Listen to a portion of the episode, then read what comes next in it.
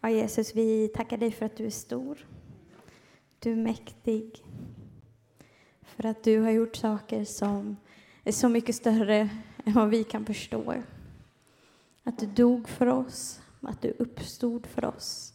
Att du gav ditt liv för oss medan vi ännu var syndare. Vi tackar dig för att vi får leva i det.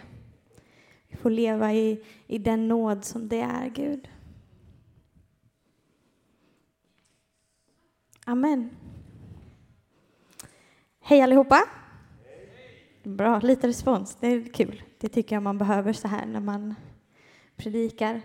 Ja, som sagt, under sommaren så kommer vi här i församlingen att ha en serie där många olika församlingsmedlemmar kommer predika. Och jag har den stora äran och glädjen att få starta det här. Yes, det kommer bli jättebra. Jag heter som sagt Linnea och till vardags nu så är jag sommarledig medan jag väntar på att min bebis ska komma. Så att, varmt är det, ja. Eh, och, men annars så läser jag på ALT, som är en pastorsutbildning som man kan läsa här i Malmö. Så det är vad jag gör. Lite om mig. Och den här serien ska ju handla om Så stor är vår Gud. Det var så här, just det, wow. Så när jag funderade på den här, bara, jag är först, vad ska jag säga? Det finns så mycket att säga om att Gud är stor. Vi kan se exempel på exempel på exempel om att Gud är stor. Det är bara att slå upp Bibeln var som helst nästan så kan man se wow, Gud du är så mycket större än vad jag tänker. Men jag tror att jag hittade ett spår och det kommer nog kanske vara rätt så utmanande. För jag vet att det är utmanande för mig. Så jag hoppas att det också kan bli utmanande för er. Så jag, jag ger en den lilla cliffhangern nu innan vi går in i vad det jag har tänkt att säga.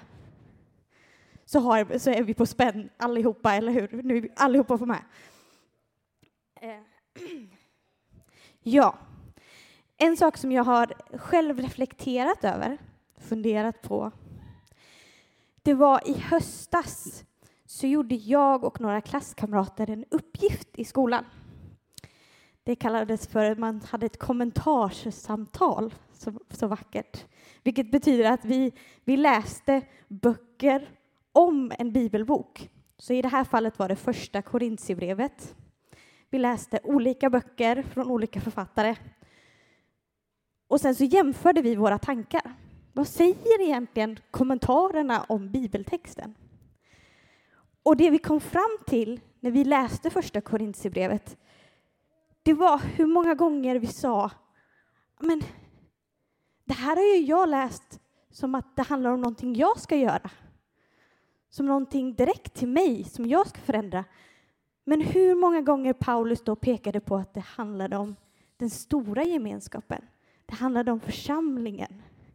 Det handlade om hur de levde sitt liv, inte vad jag skulle göra.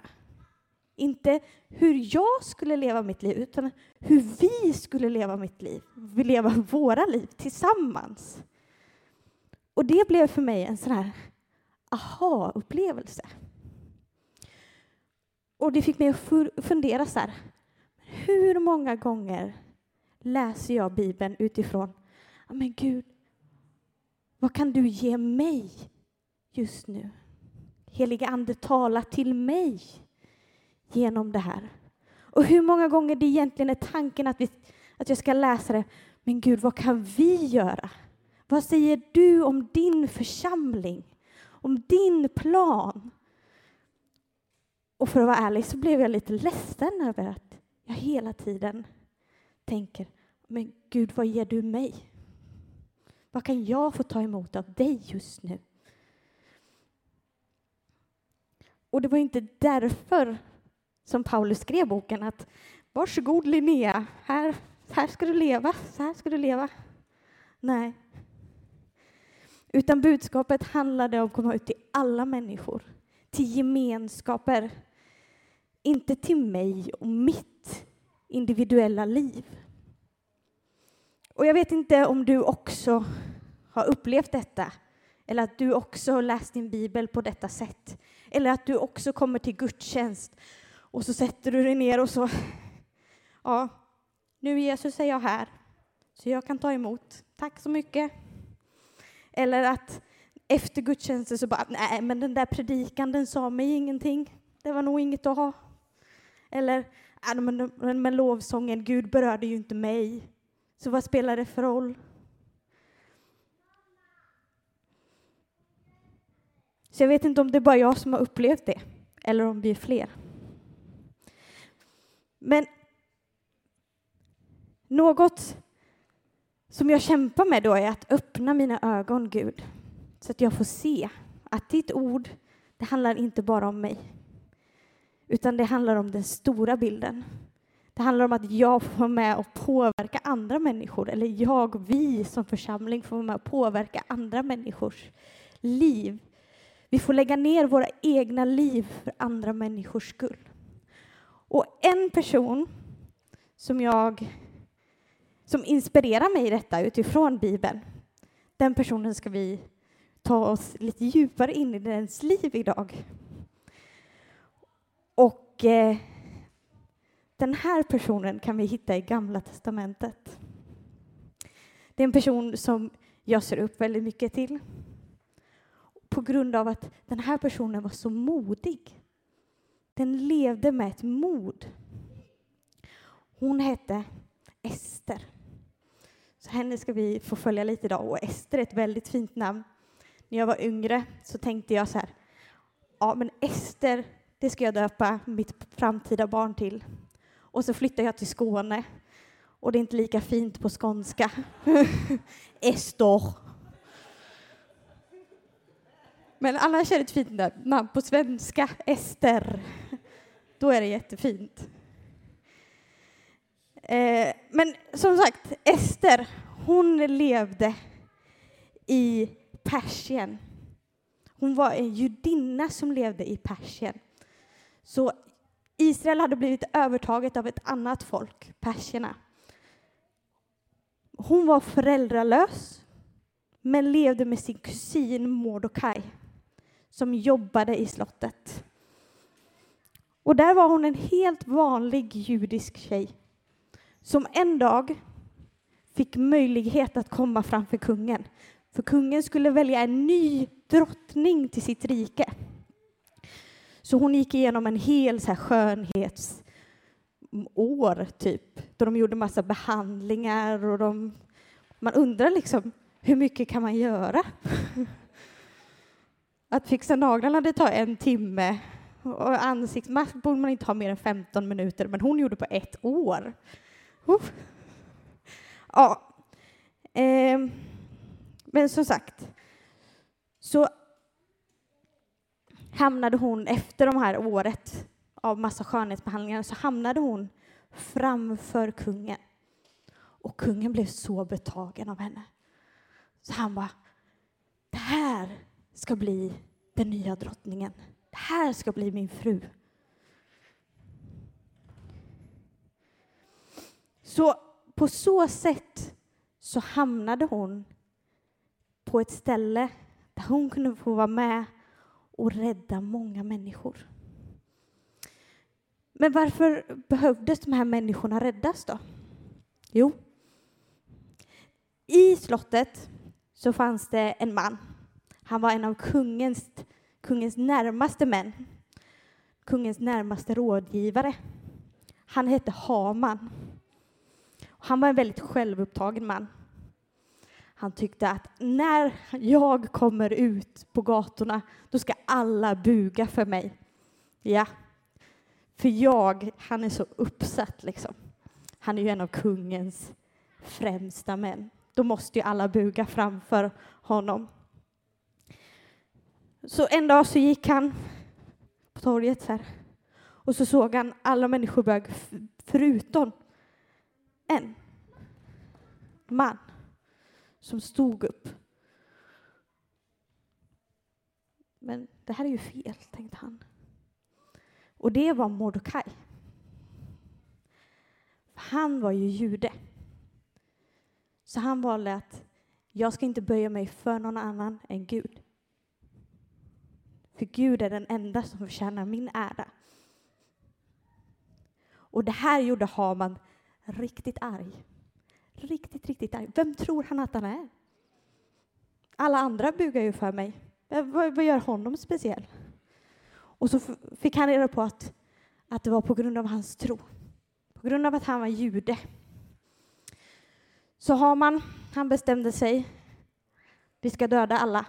Det känns lite så överdrivet, tycker jag, om man kommer från ett sånt här perspektiv. Men, men så bestämde sig Haman. Vi ska döda alla judar här. Och han fick kungen att signera på det med sin ring.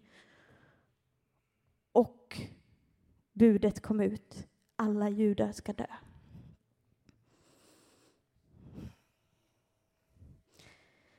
Så när Mordecai fick se fick veta vad som skulle hända så blev han förkrossad.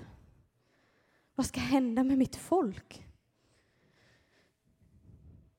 Men han visste att Ester var judinna eftersom att det var hans kusin.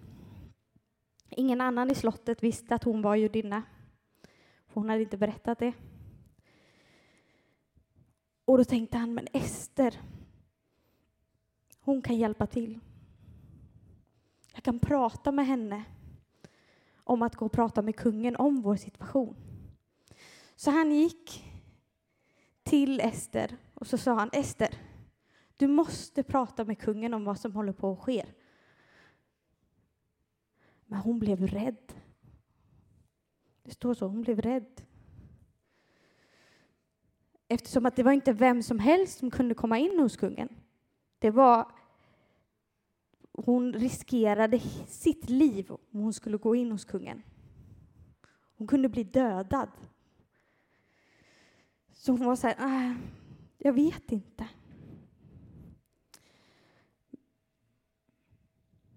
Men tillsammans med Mordokaj så kom de på en plan för att rädda folket. Men innan hon sa det, eller innan, innan så sa hon till Mordokaj så här, som det står i Esters bok 4 och 16. Kalla samman alla judar i Susan och fasta för min skull. Ät och drick inte under tre dagar och tre nätter. Jag och mina tärnor ska också fasta. Sedan ska jag gå in till kungen, fast det är förbjudet. Och om jag må, då måste dö, så får det bli så.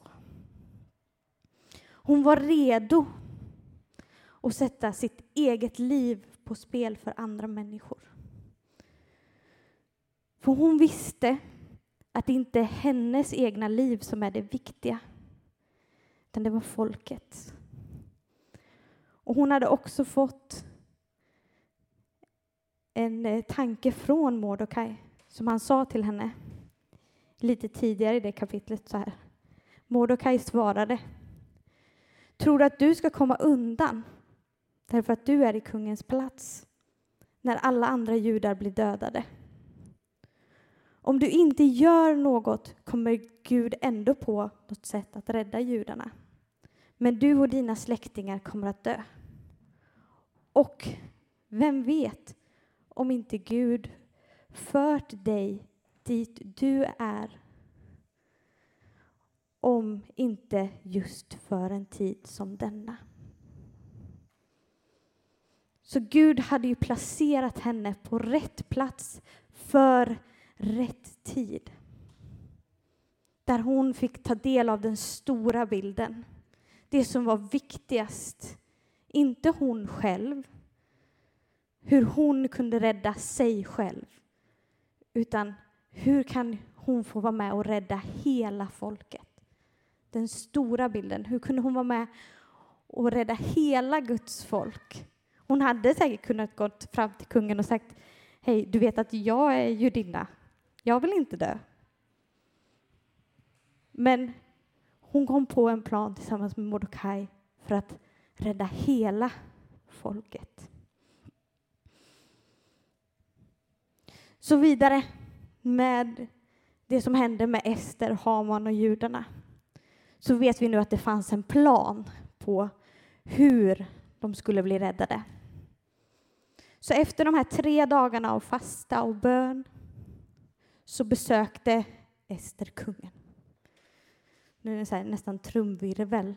Vad hände? Ja, hon blev inte dödad. Oh, där kan vi pusta ut allihopa. Men hon bjöd kungen och Haman på fest hos sig i sina i sin våning, om man tänker slottet var stort, så hon hade en liten våning själv.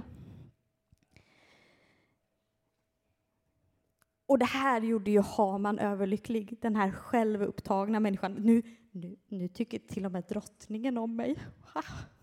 Wow! Alltså, jag måste ju vara en bra kille då, tänker han. Så de satt där på festen och så frågade kungen Ester, vad vill du att jag ska göra för dig? Jag gör vad som helst. Säg bara, vad, vad vill du? Och så säger hon så här, om det behagar er, så kom tillbaka imorgon, du och Haman. Så vill jag bjuda er på ännu en festmåltid. Ja, så nästa dag kom och Haman och kungen kom tillbaka. Och lite senare på festen så undrade kungen så här. Vad är det du vill? Jag vill ge det till dig, vad det än handlar om. Och Ester svarade så här. Om ni verkligen älskar mig, så rädda mitt liv. Rädda mitt folk från den som försöker förgöra oss. Och kungen, han blev mycket arg. Och lite så här, men vem, vem vill försöka döda och förgöra dig? Vem vill försöka förgöra ditt folk? Och då berättade Ester om vad Haman hade gjort och hur han hade hotat att döda hennes folk. Vilket gjorde att kungen beslutade att Haman skulle bli den som blev hängd och dödad. Och på så sätt blev hela det judiska folket räddad från död. För att Ester, hon fanns i Guds stora plan. Inte bara i vad gör det här mig? Vad ger det här mig? Utan hon fick tro att hennes liv var del av något större som inte bara påverkade henne utan fick påverka människor runt omkring och fick påverka hela hennes folk.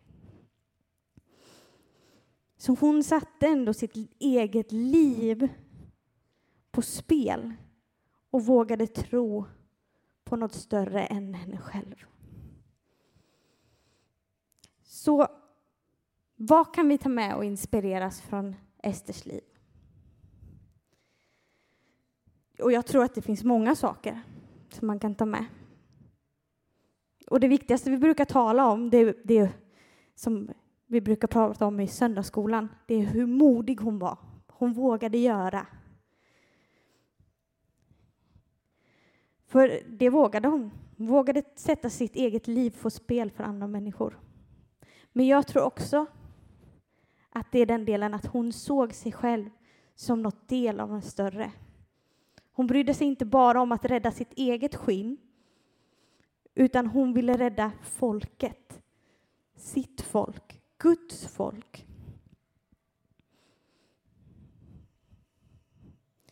För folket, det var Guds stora plan. Det var inte Ester som var Guds stora plan, utan det var folket.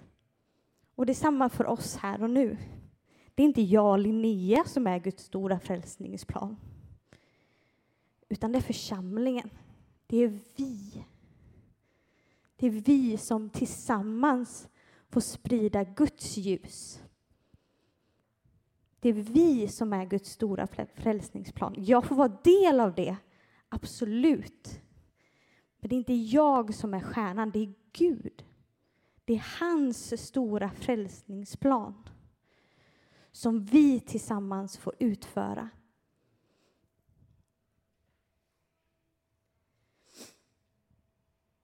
Så våra handlingar och vår tro det handlar inte bara om oss själva. Mina handlingar och min tro handlar inte bara om mig, utan det handlar om den här gemenskapen. Det handlar om församlingen. Därför är det omöjligt, tror jag, att leva ut Guds frälsningsplan utan andra kristna, utan andra människor som jag får vara församling tillsammans med.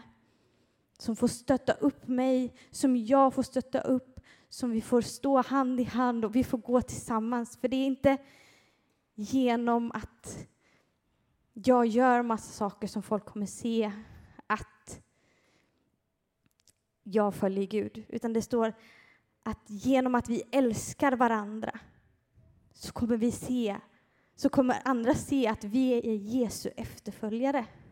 Det står i Bibeln. Genom att ni älskar varandra så kommer man se att ni är mina efterföljare.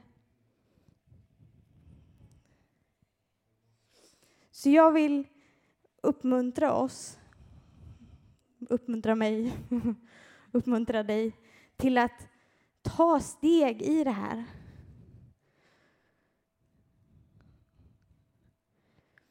Till att våga lägga ner våra liv för andra människors skull.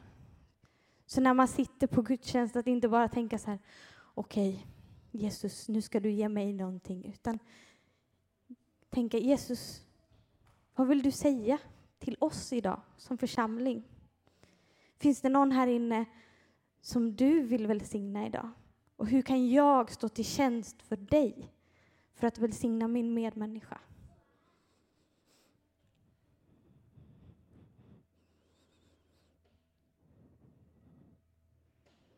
Men det kommer ju inte vara så lätt. Jag tror inte det var så lätt för Ester när hon satt de här dagarna och fastade och bad tillsammans med sina tjänarinnor. Jag tror att hon var rädd. Jag tror att hon tyckte det var jättejobbigt att veta att mitt liv kan vara på spel här och nu. Men hon tog det steget och vi kan få ta rygg på att de före oss har också tagit det här steget. Vi kan ta dem som exempel, förebilder som vi kan få följa. Vi kan få ta Ester som en förebild i våra liv. Och det är fantastiskt. Så vad skulle hända om vi i församlingen vågade leva för varandra, stötta varandra, hjälpa varandra istället för att tänka vad ger det här mig? Vad skulle vi få se? Vad skulle vi få uppleva? Vad skulle få hända i vår gemenskap? Jag tror vi skulle få en mer Jesuslik gemenskap. Där det inte blir oss själva som är i centrum. Med egoismen, att det blir mitt och mina. Det jag tycker och tänker som är det viktiga, utan det blir vad tycker du? Hur kan vi hjälpa varandra? Hur kan vi stötta varandra? Hur kan vi finnas i en gemenskap som skulle bli det viktigaste? Och jag tror att Gud skulle bli mer synlig i våra liv. För jag kan komma ihåg när jag själv var yngre och jag hade klasskamrater i skolan som jag kände så här, åh, Jesus, varför finns de här människorna på jorden? Lite så, för att krass. Men istället för att tänka illa om dem så började jag be för dem. Började tänka, men Gud, okej, okay, jag vill se, vad tycker du? Vad tänker du? Jag ber för den här personen, även om jag har svårt för den här personen. Och det förändrade inte den människan, utan det förändrade hur jag såg på människan. Så jag vet att det finns människor i församlingen som man känner så här, åh Jesus, Hjälp mig att komma överens med den här personen. Men bön kan förändra våra hjärtan, kan förändra ditt hjärta, hur du ser på den människan. Så vad är ditt steg till att vara med i Guds plan? Är det att läsa din bibel utifrån ett vi-perspektiv? Gud, vad säger du till oss och inte bara till mig? Är det att be för någon? Är det att hjälpa till på ett annat sätt? Är det att försöka ändra en tankeställning? Att när du kommer till gudstjänst att säga Okej okay, Gud, jag är här. Vad vill du säga till någon annan? Vad vill du göra för någon annan och inte bara för mig? Så ta Ester som din förebild och sätt dina egna mål, dina egna tankar, det som är viktigt för dig åt sidan och se den större bilden. Att Jesus inte bara dog för din skull, utan för alla människors skull. För alla människor som du möter. För alla människor i detta rum. För det är för den här världens skull som vi som församling finns till. Som vi som församling ger våra hjärtan till, inte till oss själva. Låt oss be tillsammans. Ja, Jesus, vi tackar dig för att du har en så mycket större plan än vad vi har. Och Jesus, vi tackar dig för församlingen som är den planen. Som är det du vill ha för den här världen, Gud. Vi tackar dig för att det inte är vi, oss själva, som vi kan göra någonting, utan det är genom dig och genom din församling som vi får vara med och påverka den här världen. Gud, vi ber att vi ska få lära oss att få se varandra och inte bara se vårt eget behov utan att få lära oss att se vår grannes behov. Att få bli berörd av dig, inte bara för vår egen skull utan för din och den här församlingens skull. Så Jesus, vi ber att du ska ge oss öppnade ögon för din större plan. Amen.